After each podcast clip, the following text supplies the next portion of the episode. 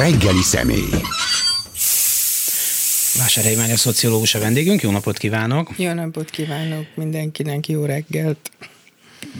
Megemlékezhetünk pár szóban Vágó Istvánról, mert olyan szépet írt róla, és valami olyasmit emelt ki, amit ma a napság olyan szégyenlősen szoktak mondani, hogy hát hogyan involválódott a politikába, hogy, hogyan kötelezte el magát a, a liberális eszmék mellett, miközben ma azt látom, hogy sokkal inkább az a divat értelmiségi körökben, vagy bizonyos értelmiségi körökben mindenképpen, hogy hát a politika hagyjuk, azt, ez, ebből már ki kell szállni minden oldalon, mert ez rémisztő. Hát ő pont az ellentéte volt ennek a magatartásnak. Ő tényleg nyakig merítkezett a politikába, és, és hát tényleg egyfolytában próbált érvelni a saját álláspontja mellett. Hihetetlen számomra teljesen lenyűgöző türelemmel magyarázta a vitapartnereinek, ha ezeket levezhetjük vitapartnereknek, próbált őket meggyőzni az igazáról. Én nagyon, ahányszor találkoztam vele, mindig szóba került, és próbáltam meggyőzni, hogy, hogy azokkal, akik mocskolódnak, meg tényleg ilyen egészen ö, penetráns módon ö, írnak róla, hogy ne álljon le velük vitatkozni, mert azért csinálják, hogy provokálják őt, és hogy utána a szennyáradatot rázudíthassák, de ő valahogy meg volt győződve arról, hogy, hogy neki állandóan vitatkoznia kell azokkal, akik úgymond tévednek, de hát ezek az emberek nem tévedtek, hanem ezek az embereket azért fizették, hogy, hogy mocskokat szórjanak rá. És, hát vagy önkéntes munkába csinálták hát, ezt. Vala, valahol megtérül, én ebbe biztos vagyok, tehát, hogy valahol ennek ezért megvan a fizetség, és hát tényleg szörnyű dolgokat írtak róla, és, és az az igazság sajnos, hogy nem csak a, a, a politikailag teljesen másik oldalon állók, és akikről én, is, én azt gondolom, hogy ezeknek a többsége tényleg bértolnok és fizetett lakály, hanem, a, hanem az úgymond liberális oldalról is, ami, ami hát persze természetesen lehet egymást kritizálni, de de ezeknek a többsége is ilyen iszonyatosan rossz indulatú, rossz hiszemű és gyilkos megjegyzések voltak. Én, én nagyon sajnálom őt, és nagyon nagyra becsültem elsősorban azért, mert, mert tényleg mindig kiállt a a politikai álláspontja mellett, akkor is, amikor ez már nagyon népszerűtlen volt ebben az országban, ez az egész liberális nézetrendszer, és, és hát tulajdonképpen a, a nagyon-nagyon sikeres szakmai karrierjét is feláldozta azért, hogy, hogy úgymond elmondhassa az igazságot. Én szerintem erre nagyon kevés orsz, ö, ember ö, vállalta fel ezt a sorsot, és ö, hát ezt a rengeteg ö, ostorcsapást, amit el kellett szenvednie. Igen, azt én is mindig csodáltam, hogy, hogy egy amúgy türelmetlen ember milyen türelmesen vitatkozik sík hülyékkel és provokátorokkal is. Hát időnként. meg az emberekkel beszéljünk egyenesen. Igen. Egyébként az egy ilyen, csak azon gondolkoztam el, hogy egy ilyen általánosabb érvényű dolog, hogy hogyan lehet az, hogy még egy viszonylag normálisan induló vita is két perc alatt, hát nem tudom, ezt hogy kell a, a virtuális térben mondani, de hajtépésé fajul. Én nem tudom, hogy más országokban is ez így működik-e, ennyire nem, nem, nem figyelem a dolgot, de, de Például ma volt egy nagyon érdekesnek induló vita, nem tudom, hogy látta hogy 57 május 1-én milyen sokan vettek részt azon a nevezetes május 1 felvonuláson, ugye pár perccel az 56-os forradalom leverése után, és akkor erről az emberek ott, a többségük ismerősöm, barátom is talán, meg, vagy kollégám, vagy nem tudom, jó véleménnyel vagyok róluk külön-külön, és akkor mondanak okosat, okosat, és egyszer csak valami félreértésen tulajdonképpen egy pillanat alatt egymásnak esnek, és ami olyan hangnembe mennek le olyan emberek, akik, tudom, hogy húpsz, tehát biztos valahogy a dologban van ilyen, hogy vagy mi vagyunk ennyire ingerlékenyek, hát, vagy, vagy, vagy, vagy, vagy, vagy, mitől válnak ezek mind ilyen elkeseredett, reménytelen egyrészt, sárdobálásokká. Egyrészt én úgy gondolom, hogy ha mi magunk nem is megyünk le arra a szintre, ahol ma a közbeszéd tart Magyarországon, ami egyszerűen katasztrofális, és szerintem a, a 30-as éveken kívül ilyen, ilyen mélyre nem süllyedt soha a közbeszéd, tehát, hogy, hogy ez nyilván az egésznek a színvonalát leviszi, és valamilyen szinten mindenki alkalmazkodik ehhez. A, a más, és hát iszonyatos a durvaság, a, a személyiségromboló be, ö, beszólások, a, és hát a gyűlölködés. És ez, ez és hát egy csomóan meg kifejezetten láthatóan csak azért szólalnak hozzá, hogy, hogy ezt a, a gyűlöletet szítsák. Tehát a Vágó Istvánnál is ez volt, hogy, hogy egyszer csak megjelent valamilyen kommentelő, aki teljesen nyilvánvalóan nem a érdemben szólt hozzá a dologhoz, nem vitatkozni akart, hanem mocskolódni akart. És hát nyilván sokkal türelmetlenebbek vagyunk, sokkal fáradtabbak vagyunk mi is, és sokkal kevésbé vagyunk óvatosak abban, hogy, hogy, hogy mit mondunk ami, ami hát katasztrofális, mert most nem akarok ilyen közhelyeket, hogy minden a szavakkal kezdődik, de tényleg minden a szavakkal kezdődik. Hát a, a, a nácizmus, a kommunizmus, minden a, a szavakkal ö, kezdődött, és a szavak igenis ölni tudnak, ö, hiába gondolja valaki azt, hogy ezt túl dramatizálom, nem. A szavak gyilkosak, és a szavak tudják ezeket az indulatokat felébreszteni, ahogy a hutuknál és a tusziknál, vagy az örmény népírtásnál is mindig minden a propagandával kezdődött, nem csak a, a göbbelszi propagandával, hanem ezzel a, az indulatok és gyűlöletek és fél félelemnek a szításával. Én azon mindig meglepődöm, hogy azért mégiscsak ennyi történelmi tapasztalat birtokában még mindig viszonylag ilyen könnyen hagyjuk magunkat usz, uszulni, uszítani, hogy kell ezt mondani. Szóval, ha, hogy ez ilyen gyorsan, ilyen hatással van nagyon sok emberre, ez az uszítás. Én, én szerintem ez nem volt olyan gyors folyamat. Tehát azért emlékezünk vissza, hogy a ö, szerintem a 80-as években ilyen stílusú nyilvános közbeszéd egyáltalán nem létezett, mert akkor már ugye már a Rákosi rendszerben létezett, de, de ez úgy, úgy nagyjából kihalt a 80-as évekre, és, és azért a 90-es években, hát emlékezzünk vissza, hogy mikből voltak országos botrányok, mondjuk a hordóta szónoknak. Igen. Hát nemzetközi vizsgáló bizottság alakult, és hát tényleg óriási botrány hát, volt. vagy a Petőkónya vita, ami ma visszanézem már. Hát ha? ma simogat, azért borzalmas volt ma nézve is. Hát de Főleg de egyébként nem a vitatkozó partnerek, hanem, hanem a, a felhergelt igen, közönség. Igen, igen.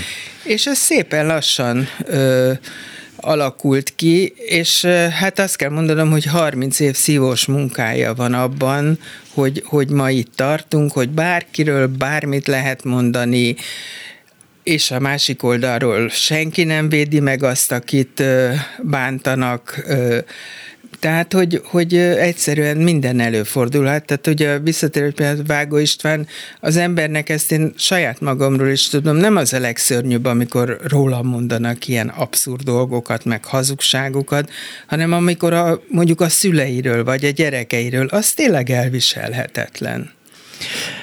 Azért ez nem csak magyar jelenség, hát látjuk, hogy Oroszország van Na nyilván, jó, hát, de mondjuk a, a, a fejlett demokrácia, mint az Egyesült Államokban is mi van, és most elolvastam ennek a angol hercegnek, a Harrynek a könyvét, aki ugye az egész könyve arról szól, igaz, hogy nem igaz, ezt nehezebben innen eldönteni, hogy az ő életét a bulvársajtó, vagy a család életét a bulvársajtó teszi és tette tönkré a mérhetetlen hazudozásaival. Mondom, nem, nem biztos, hogy ez pont így van, de hogy, hogy, hogy, hogy ez egy olyan narratíva, ami, ami komolyan kell venni, az, az biztos, tehát, hogy nem csak mondjuk itt, itt van nekünk ez. Hát igen, de azért szerintem nálunk ez egyáltalán nem korlátozódik a bulvár sajtóra, tehát bár én ezt a, a Kesma média birodalmat a szó hagyosmányos értelemben nem tartom sajtónak, mert ez úgy, ahogy van egy nagy propaganda kupac, tehát abszolút nem látja el azokat a feladatokat, amik mondjuk a sajtó etoszához tartoznak, vagy amiért egyáltalán a sajtó létrejött és létezik.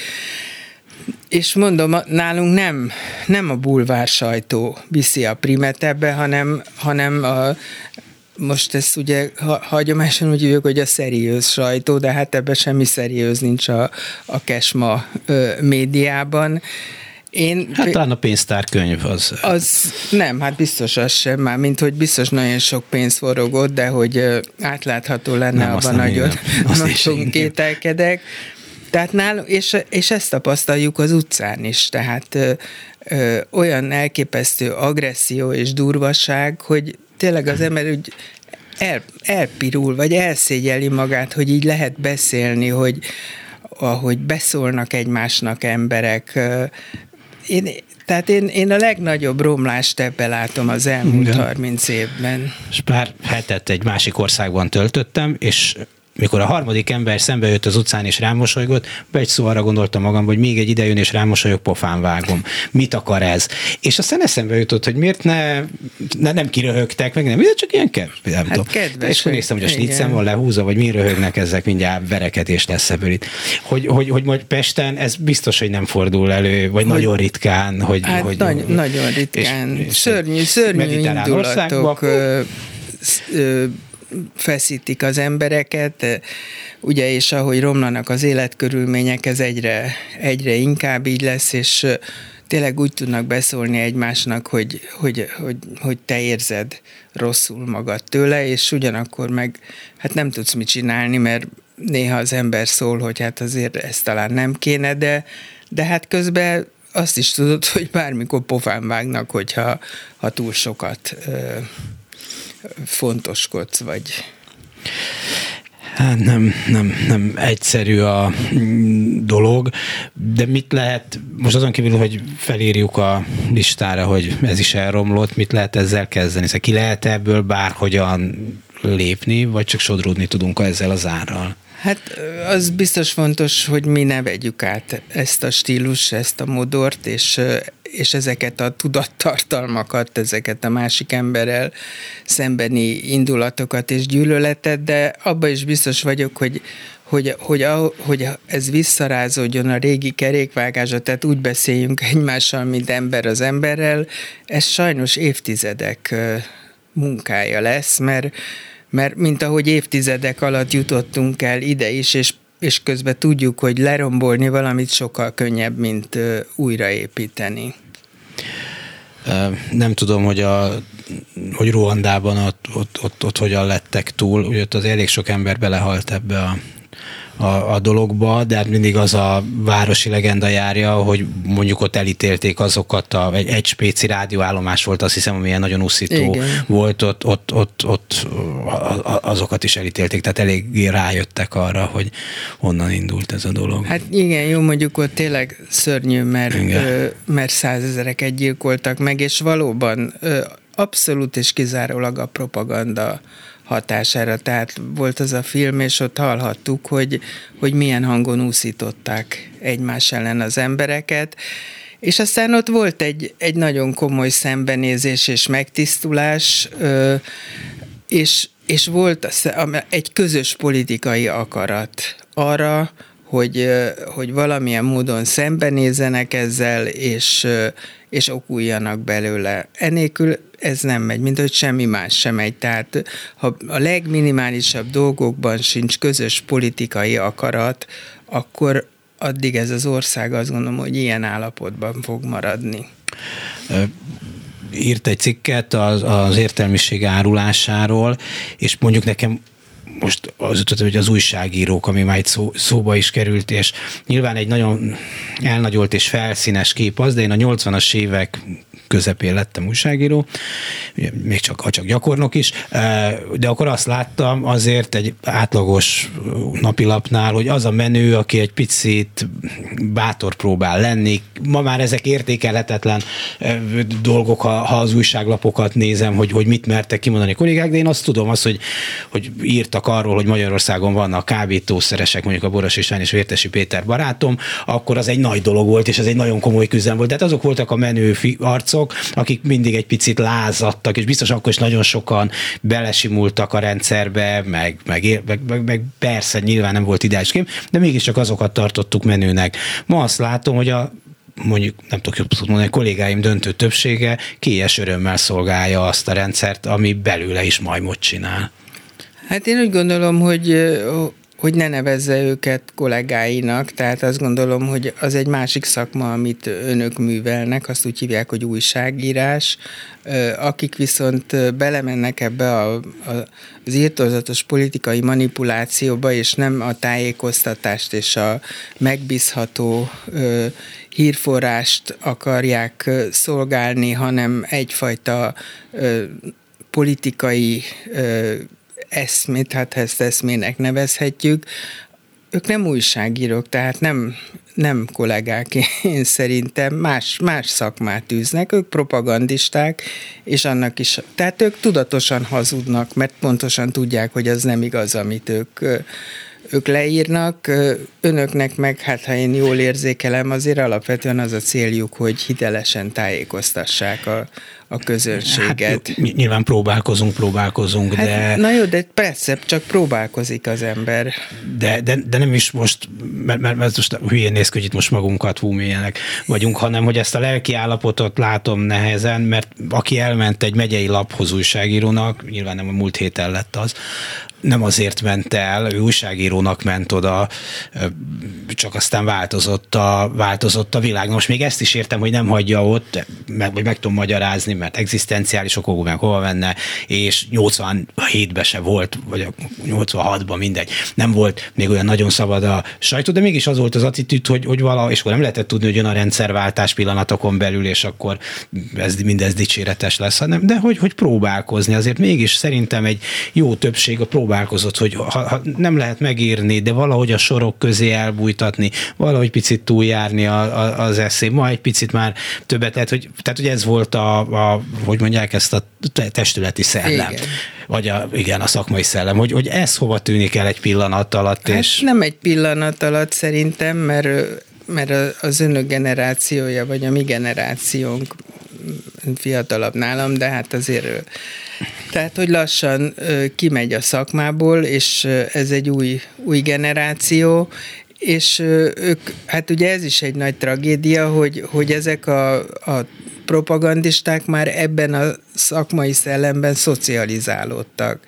Tehát ők, ők az, azt gondolják, vagy abba nőttek bele, hogy hogy nem az a lényeg, hogy az igazságot megírd, vagy ut- megpróbáljál utána járni, hanem az, hogy a politikai ellenfelet, ellenséget minél sikeresebben mocskold be és járasd le, és igen, persze a 80-as években is nem, nem volt egy hiteles tájékoztatás, de, de én is úgy éreztem, hogy mindent megtesz az újságírók jelentős része azért, hogy a résekbe beférkőzzön, hogy minél többet mondhasson el az igazságról.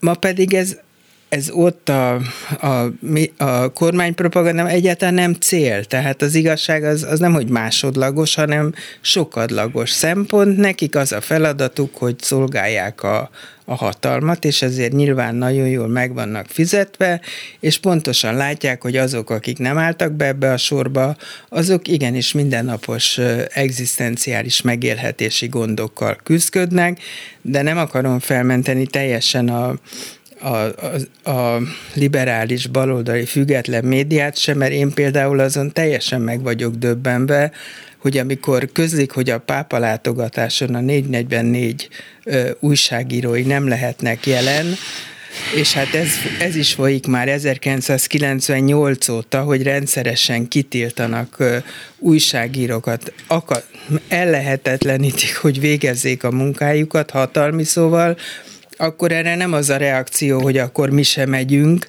Igen. Most ezen vég, most nazakson, hogyha nem személyesen fényképezik le a pápát, hanem átveszik a az MT, ők se, jó, Igen. hát van egy-két elkapott jó pillanat, de nem éri meg azt, Igen. hogy elárulni azokat az újságírókat, akiket minősíthetetlen módon nem kapnak akkreditációt arra, hogy egy ilyen eseményt, ami az ország minden állampolgárára tartozik, ők, ők ezen nem vehetnek részt, és nem fény. Viszont Budaházi György részt vehet, és, és a pápai, Tényleg? hát ő mondta is, hogy ő el bemegy a gyűlésre. Hát a újságíróként és, legalább. És magára veszi a pápa áldását. Szegény pápa.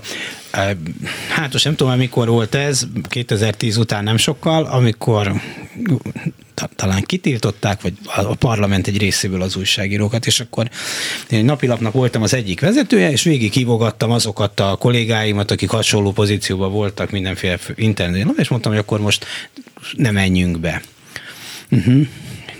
Hát különféle válaszok voltak, egyrészt, hogy ne szóljak bele, ez mondjuk ezt a ifjú titánok mondták, hogy azért én már nem döntsem el, nem itt az öreg faszok döntsék el, hogy, hogy ő mit csinál, kettő semmi haszna, valaki úgy is bemegy, áminek, még így is lehet valamit csinálni, na ebbe még lehet, hogy tehát két perc alatt összedült a remek tervem, amit nyilván valami moziba láttam egyszer, hogy van olyan, hogy az emberek összefognak és, és csinálnak valamit. Egy pillanat alatt megdőlt, és annyira, csak az, így, így hozzászokik ehhez az ember a gondolathoz, hogy én láttam ezt a 440-es négyes sírt, de már így átfutott rajta a szemem. Nem, már nem is tudtam igazán fölháborodni rajta már. Igen, hát én nekem azért mindig eszembe jut, és eszembe jut az a 1998-as, mikor a Fidesz kormány, első Fidesz kormány megalakult, és valahol Leányfalun vagy Szentendrén volt ö, ö, kormányülés, és utána sajtótájékoztató, és akkor fordult, el, először, fordult elő először, hogy nem engedték be a Magyar Hírlap, a Népszabadság, a, nem tudom, Magyar Narancs, és az mm. és, tehát akik ö, oda mentek. Na most szerintem akkor kellett volna azt Igen. mondani az összes nem, hogy akkor köszönj, sőt, normális országban szerintem a kormánypárti Igen. újságírók is az, azt mondják, mert hogy erre mondom én, hogy minimális konszenzusnak kell lenni, például, hogy mire való a sajtó, és milyen jogok illetik meg, és és mivel akkor látták, hogy ez megy, egyre durvább, és egyébként ez a szegény, a parlament folyosóján futko, ezekbe a ketrecekbe futkosó újságírók is ö, azt kell, hogy mondjam, hogy hát egyik oldalról mélyen együtt érzek velük. A másik oldalról azt gondolom, hogy hogy nem kéne oda bemenni, mert szerintem rá tök megalázó, tehát a, ezt nézi egy nem olyan politikával sokat foglalkozó ember, és azt látja, hogy mint a mérgezett egerek futkosnak, állandóan megalázzák őket percenként a politikusok a pimasz penetráns válaszaikkal, tehát egyáltalán nem jól kerülnek ki ebből. Tehát én úgy gondolom, hogy kéne itt egy egységesen felvállalt magatartás, hogy egyrészt nem lehet diszkriminálni már újságírókat, másrészt nem lehet megalázni őket, és nem lehet korlátozni a tevékenységükben. Azért, mikor itt ma reggel is arról beszéltem, vagy kérdezgettem Pilc Olivért, hogy miért nem tudnak a tanárok összefogni a saját érdekükben, azért ilyenkor még átfut a fejemben, hogy de hogy visszakérdezzen, na miért maguk össze tudtak fogni, az újságírók össze tudtak fogni? Nem tudtak. Ugyanígy hagytuk magunkat, és nyilván ennek az egyéni felelőssége kinek-kinek más, de ugyanúgy, mint, mint hivatásrendikor, ugyanúgy hagytuk magunkat ledarálni, Igen, mint én, bárki más. Én is úgy gondolom, hogy, hogy nincs egymás, nem lehet egymás szemére, sokat, mert sajnos ez minden hivatásnál és szakmánál ezt tapasztaljuk, az értelmiségi szakmáknál is, hogy persze mindig van néhány tíz vagy száz ember, aki vállalná, de hát itt az erő csak tényleg a, a, a sokaságban van, tehát attól, hogy, hogy a 130 ezer pedagógusból 10 ezer tiltakozik, ez csak megerősíti a kormányt abban, hogy jó úton jár, mert lám-lám a tanárok 90%-a ha nem is örömmel, de elfogadja ezt a helyzetet. Én ennyiben vitatkoznék azzal az írásával, ami az értelmiség, vagy a vezető értelmiség árulása címet viseli. Ez egyébként a Klubrádiónak van egy ilyen vélemény publicisztikai rovatunk a jeles szerzőkkel, abban jelent meg, mert, mert mi azt gondoljuk, hogy innen nézve ez talán árulás, de lehet, hogy nagyon sokan azt gondolják, hogy ez a jó. Tehát ő nem úgy érzi, hogy áruló, hanem, hanem neki jó, ami itt történik, és nem arról van szó, hogy nem ismeri fel, hogy nem jó neki, hanem de felismeri egy csomó szempontból, és szerintem most a pedagógusokkal nagyon kitolnak, tehát most egy kicsit megdől ez az elméletem, hogy, de hogy jó, mert, mert sokkal egyszerűbb a dolog, mert meg lehet buktatni a gyereket, ha okoskodik, mert nem kell integrált oktatással vacakolni, amit a lipsik ránk akartak. Erőltetni, mert nem kell nekem tantervet írnom, hanem a kezembe nyomják, és ezért sokkal nem kell, hogy ez a vitatkozni a szülőkkel, hogy ez a tankönyv, vagy az, ez van van, kus, és hazaviszed. És ezt nyilván egy csomó más szakmánál is el lehet mondani, tehát, hogy, hogy ez nekik mégiscsak, mégiscsak jó.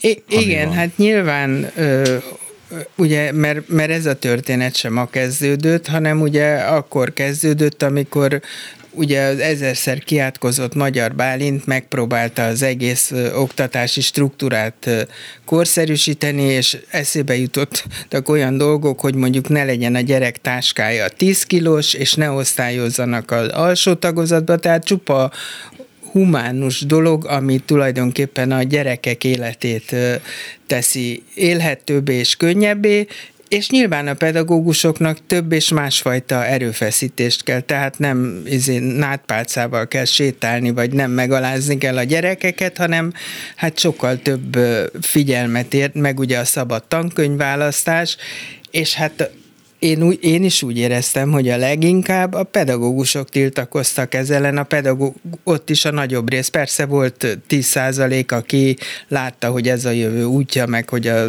így lehet autonóm felnőtteket nevelni a diákokból, de tulajdonképpen a kormány hosszú ideig tehát az megfelelt a pedagógusoknak, hogy a, hogy a gyerekeknek minél szarabb az iskolába, tehát hogy nem nevelik őket önálló gondolkodásra, hogy ez, az, ez a face-to-face tanítás, ez az iszonyatos tényanyag bemagoltatása, csak ne gondolkodjanak, és akkor beindul egy ilyen folyamat, és, és egyre durvább lesz, és ma ott tartunk, hogy, hogy, hogy a tanár taníthat 28 órát is egy héten, és ide-oda kirendelhető, és taníthat egyszerre több iskola. Tehát, hogy, hogy ennek azt kell mondanom, hogy törvényszerű következménye, és ez már nem tetszik a tanároknak, mert én nem hiszem, hogy valakinek tetszik, hogy a, a terheit ilyen mértékben növelik, hogy, hogy lehet őt iskoláról iskolára, mint hogyha itt ilyen tárgyakat tanítanának, tehát hogy tök mindegy annak a gyereknek, hogy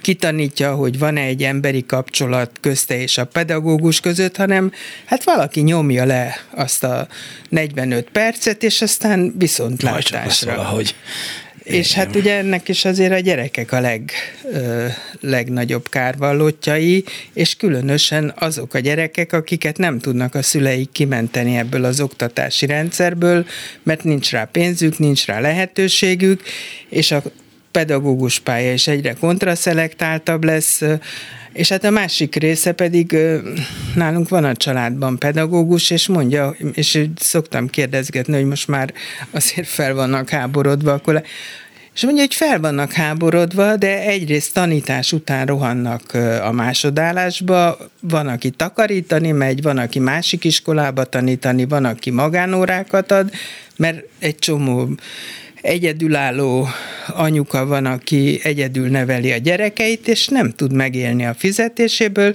és nem marad ideje arra, hogy azzal foglalkozzon, hogy ez neki most jó vagy nem jó, mert enni kell adni a gyereknek.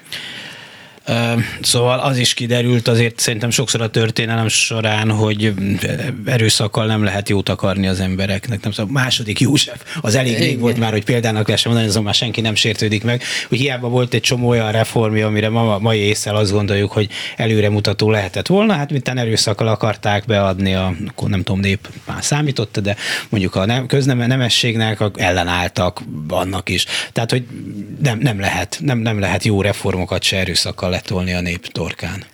Hát én azért nem érzem úgy, hogy az erőszak lett volna, amit mondjuk a magyar bálinték csináltak. Megpróbálták irányítani és átalakítani az oktatási rendszert, ami hát iszonyú nagy e- ellenállásba ütközött, és szerintem ennek a levét isszuk, és fogjuk még inni évtizedeken keresztül az erőszak az az, ami most történik. A, a magyar báninték bevezették ezeket, de nem, én nem éreztem erőszakoskodásnak. Hát nyilván, aki egy területet irányítanak, van egy jó esetben, mert mondjuk a mostani miniszterről nem gondolom, hogy bármiről van valami a fejébe azon kívül, hogy végrehajtsa Orbán Viktor parancsait. Most én nem is a, a régi dolgokra gondoltam, hanem arra, hogy ugye eléggé látszik, hogy ez az oktatási rendszer nem jó, nem jó a diákoknak, nyilván ez lenne a legfontosabb, nem, nem jó a tanároknak, nem, nem jó tulajdonképpen senkinek, de most, most úgy tűnik, hogy egy kisebbség próbálja megmondani nektek, hogy ez nektek így nem ül, és csináljátok másik. Hát ott a tanárok többsége, ha fel is háborodik, nem eléggé ahhoz.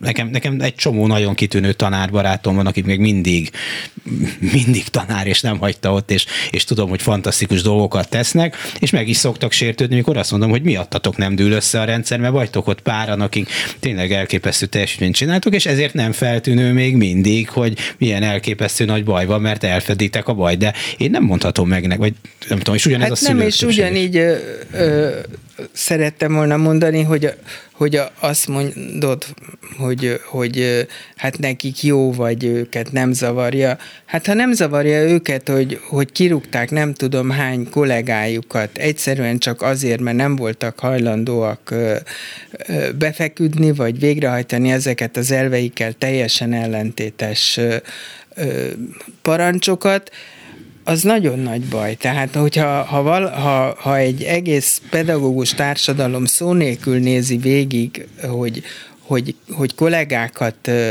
egzisztenciálisan ellehetetlenítenek azért, mert más gondolnak a pedagógia feladatának, ott hát nagyon nagy baj van, de tudjuk, hogy nagyon nagy baj van, mert, mert ez az ország nem tartana itt, hogyha ha valóban az értelmiség, amelyiknek, mert ugye mindig arról beszélünk, hogy hát a Fidesz ez a alacsonyabban képzett, kis településen élő ö, vallásos, vagy, vagy legalábbis a maga módján hívő réteg tartja hatalomba, akik nem tájékozódnak, de Hát ők adják rájuk a voksukat, de mégse ők tartják szerintem hatalomba, mert azért azt láttuk a történelemből, hogy mindenfajta elégedetlenségnek mozgolódás azért az értelmiségtől indul el, és ameddig az értelmiség így viselkedik, ahogy nálunk, és persze most mindig el tegyük hozzá, hogy vannak kivételek, Ajaj. nem is kevesen, de azért nézzük meg az akadémiai ö, értelmiséget, nézzük meg a, a felsőoktatás vezetőit, a rektori tanácsot, ö, nézzük meg a, ennek a pedagógus szakmának a, a vezetőit, akik akik igenis karrier szempontok, nyilván anyagi szempontok, stb. stb. miatt szó nélkül nézik végig, ahogy bedarálják az egész rendszert, amit ők Szerintem nem mindig szó nélkül, mert azért az akadémiai intézményrendszer átalakításakor is uh, voltak tiltakozások, és a CEU egyébként egészen példátlan elüldözésekor is hát szerintem hatalmas, hatalmas, de itteni viszonyokhoz képest hatalmas tüntetések voltak, hogy, hogy, hogy a Kádár rendszerben féltek az emberektől annyira, nem, valószínűleg önbizalom hiány miatt, meg 56 miatt, de még a 80-as években is a három ember összejött, az már hú, mi volt, és egy falfirka miatt óriási nyomozás volt, és, és botrány, és izé.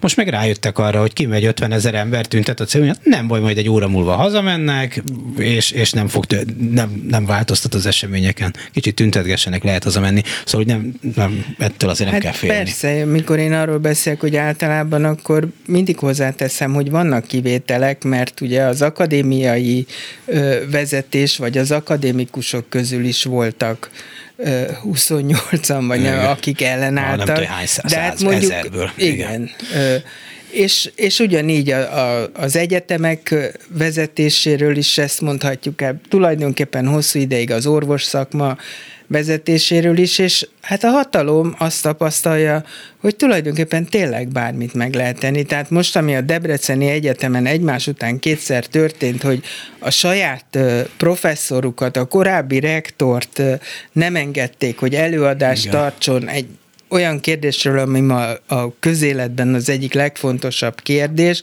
majd utána Kincses Gyulát kitiltják az egyetemről, nem a, tarthat. Erről letaradtam, erről a, tör, a, a Kincses Gyulás történet. Meghívta a Debrecenben az egyik szakkollégium, és egy nappal a odaérkezése előtt közölt az egyetem vezetése, hogy Kincses Gyula nem tarthat fórumot az egyetemen.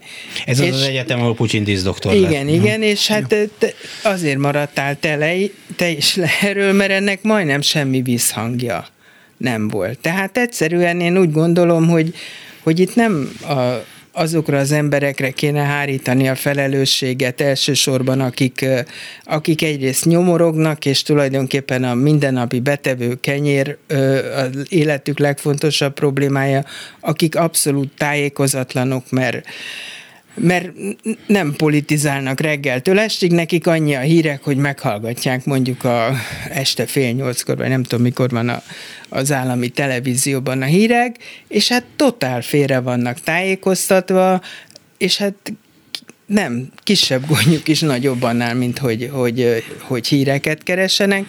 Viszont itt van az értelmiségnek egy jelentős része, akik nyelveket beszélnek, akiknek van rá lehetőségük, hogy alternatív forrásokból tájékozni, biztos, hogy tájékozódnak is, csak valamiért úgy döntöttek, hogy nekik jobban megéri ezt a rendszert szolgálni, mint a saját szakmájuk, a saját kollégáik érdekében kiállni az igazságért.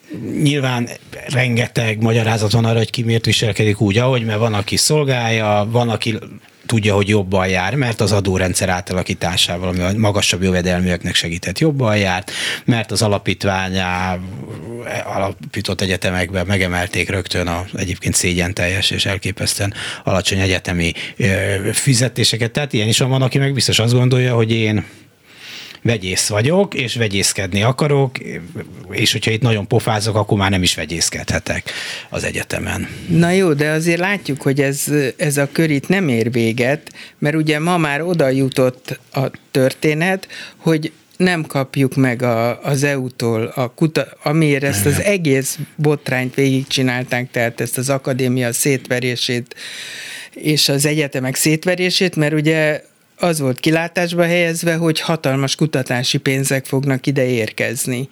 És az Európai Unió észbe kapott, hogy azért ez nem biztos, hogy rendben van, hogy a Vignyánszki Attila meg a Fidesz klientúra nyújja le ezeket a pénzeket, tehát ma már ők magukkal is, tehát hogy ők sincsenek jobb helyzetben, az összes nemzetközi együttműködés el van lehetetlenítve, mert nyilván nem fognak pályázni egy olyan ország kutatóival vagy tudósaival, akik nem juthatnak hozzá ezekhez a forrásokhoz. Tehát itt teljesen vissza is lő ez a dolog, mint ahogy hosszabb távon szerintem minden sunyiság és gyávaság.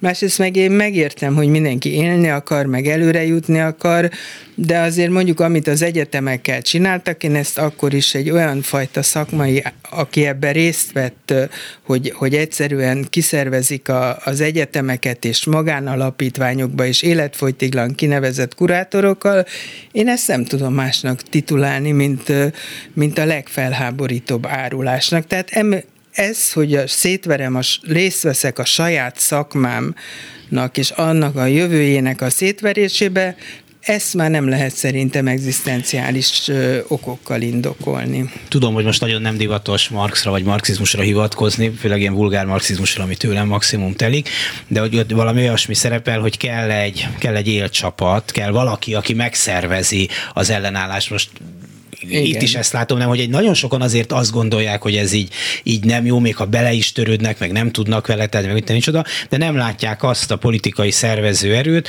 ami olyan erős lenne, hogy mellé tudjanak állni, hogy, hogy bízhatnának benne, hogy, hogy esélyesnek látnák, és ezért is legyintenek rá a dolgokra. De ez szerintem nem a politika feladata, ez a szakmáknak a feladata, hogy saját magukat megszervezzék, és és megvédjék a legelemibb szakmai érdekeiket. Hát ez az egész magyar tudományos és, és egyetemi életet hát teljesen tönkre teszi. Megint csak azt kell, hogy évtizedekre. Hát teljesen le fogunk szakadni. Hát az egésznek ugye ott is a, a network, a nemzetközi tudományos életbe való bekapcsolódás az alfája és omegája.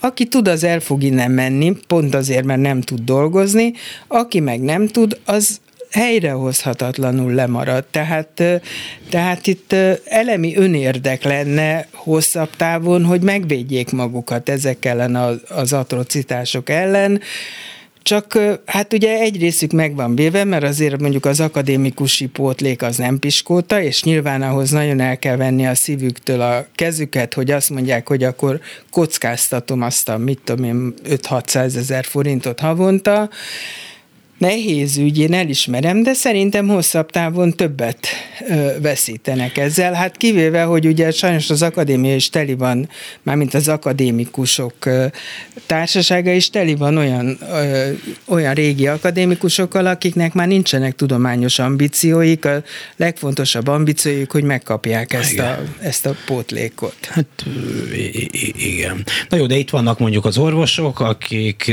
kicsit okoskodni, mert az szervezetük, másnapra meg is szüntették a kamera kötelező tagságát. Más kérdés, hogy az hát is egy ez nagyon dolog. visszafelé sült el, és, és ebből látszik, igen, hogy érdemes. Igen, igen, és hát most majd meglátjuk, hogy mit tudnak csinálni, vagy, vagy mire mennek ezzel, de az első lépés meg volt, azt hiszem a kétharmaduk, igen, éppen a előbb emlegetett Kincses Gyula vezette orvosi igen. kamarába vissza, visszalépett. Tehát úgy tűnik, hogy mégse adják olyan olcsón a bőrüket. Igen, sajnos ez a társadalom erre van szocializálva, és ez nem most kezdődött, hanem már leg, legalább a 19. század.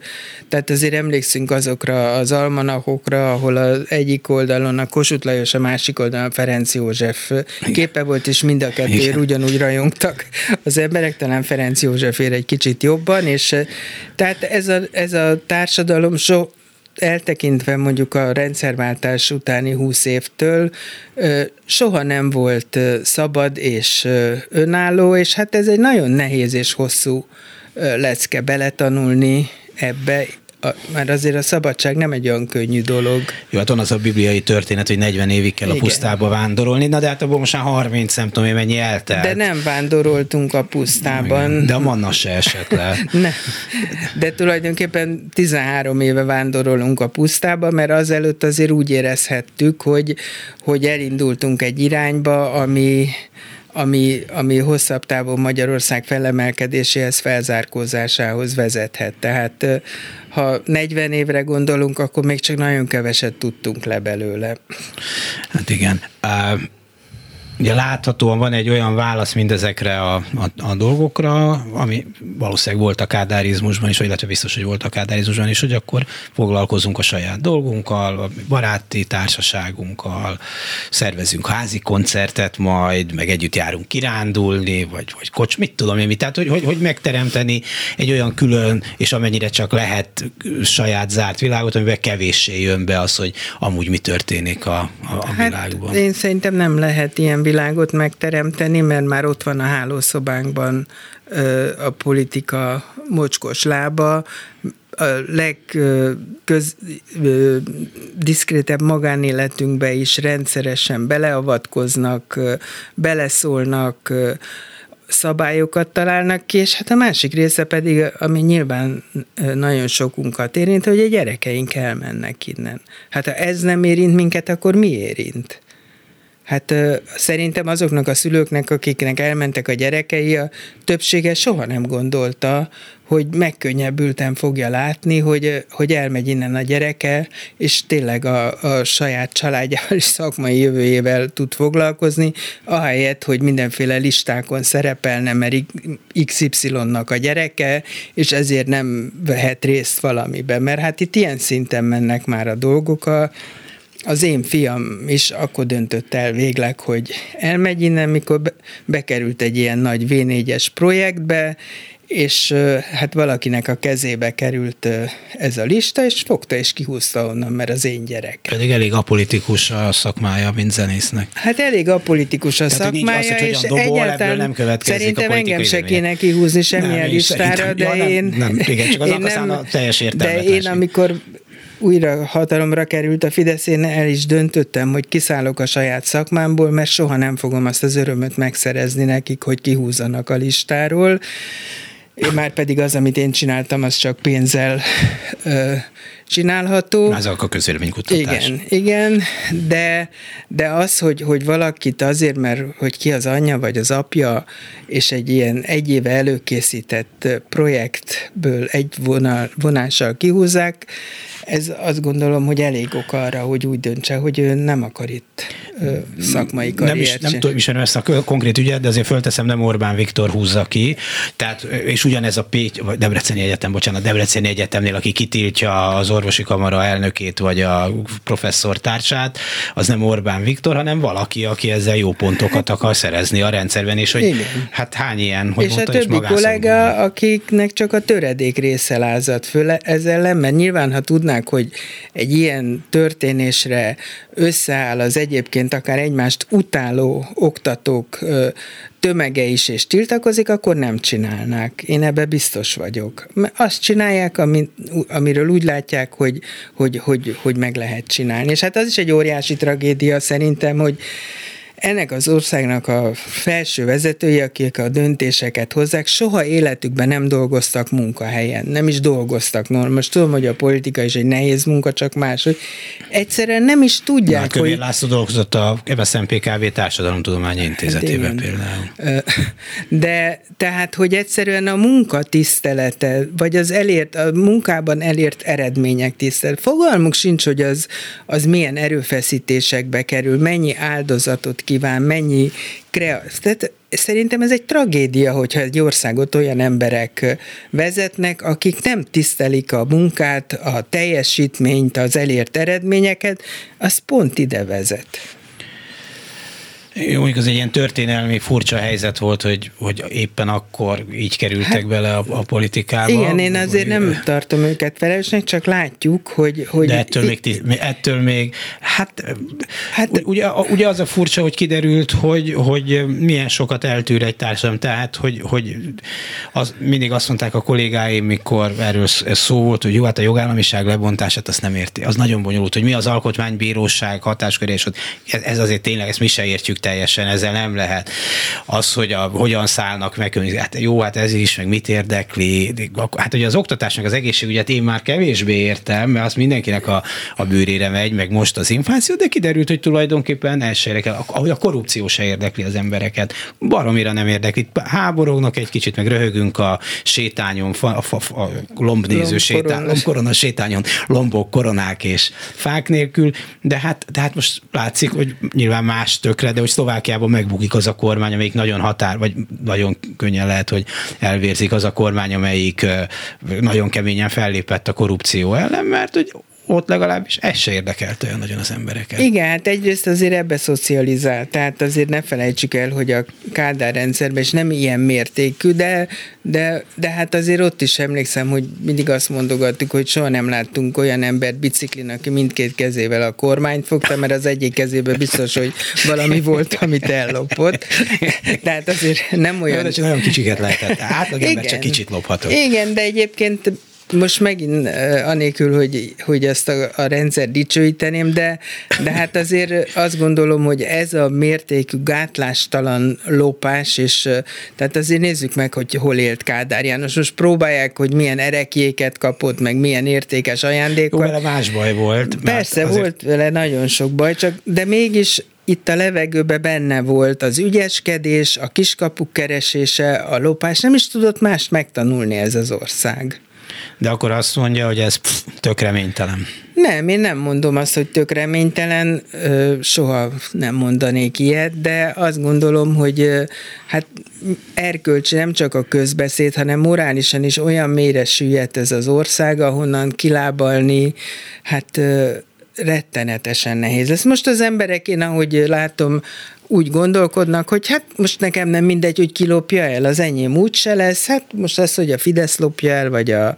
a más, így, így gondolkodnak sajnos. Soha nem érezték a sajátjuknak ezt az országot, a tulajdont, ugye a köztulajdon, ami dominált a Kádár rendszerben, az, az a csáki szalmája volt, tehát az mindenki jé volt. Nem alakultak ki ezek a legalapvetőbb attitűdök. Köszönöm szépen Vásári Mária, szociológusnak, hogy elmondta, önöknek pedig köszönöm szépen az egész reggeli figyelmet. A mai műsor elkészítésében munkatársaim voltak Krákevél, Lantai Miklós, Simon Erika, ma reggel itt a stúdióban Bencsik Gyula és a szerkesztő Korpás Krisztina Dési Jánost hallották a Viszonthallásra.